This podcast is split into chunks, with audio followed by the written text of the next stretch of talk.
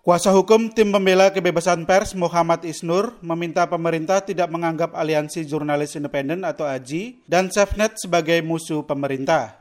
Ini terkait gugatan AJI dan SafeNet tentang tindakan pemerintah memblokir internet di Papua dan Papua Barat yang dikabulkan Pengadilan Tata Usaha Negara atau PTUN Jakarta. Menurutnya gugatan ini dilakukan untuk mengingatkan pemerintah bahwa ada tindakan yang salah yang dilakukan pemerintah. Karena itu ia menyarankan pemerintah tidak mengajukan banding terkait putusan blokir internet ini. Ini dalam ranah konstruktif, dalam ranah memperbaiki negeri ini gitu. Dalam ranah mengingatkan ada yang salah dengan pengelolaan gitu. Jangan dianggap sebagai orang yang ingin mengganggu NKRI gitu.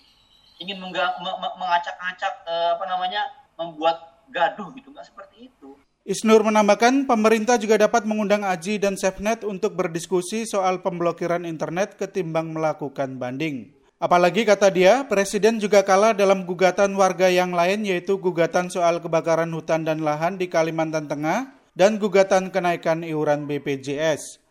Di samping itu, Isnur mengapresiasi tiga hakim perempuan yang menggunakan pertimbangan HAM dalam putusan kasus ini dan menyatakan perlambatan dan pemblokiran internet sebagai perbuatan melanggar hukum. Dengan demikian, hal ini juga membuka kemungkinan bagi pihak yang merasa dirugikan oleh kebijakan ini untuk menggugat dan meminta ganti rugi. Namun hal ini dapat dilakukan setelah putusan hukum ini berkekuatan hukum tetap.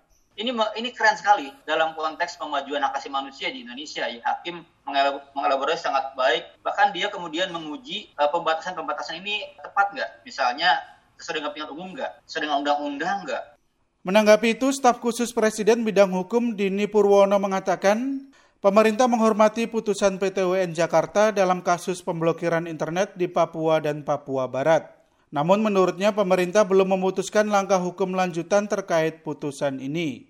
Pemerintah memiliki waktu 14 hari sejak putusan tersebut dibacakan untuk mengajukan banding.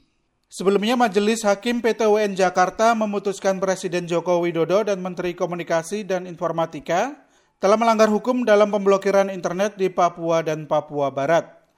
Gugatan itu diajukan tim pembela kebebasan pers yang terdiri dari AJI, SafeNet, LBH Pers, LBHI, Kontras, Elsam, dan ICJR.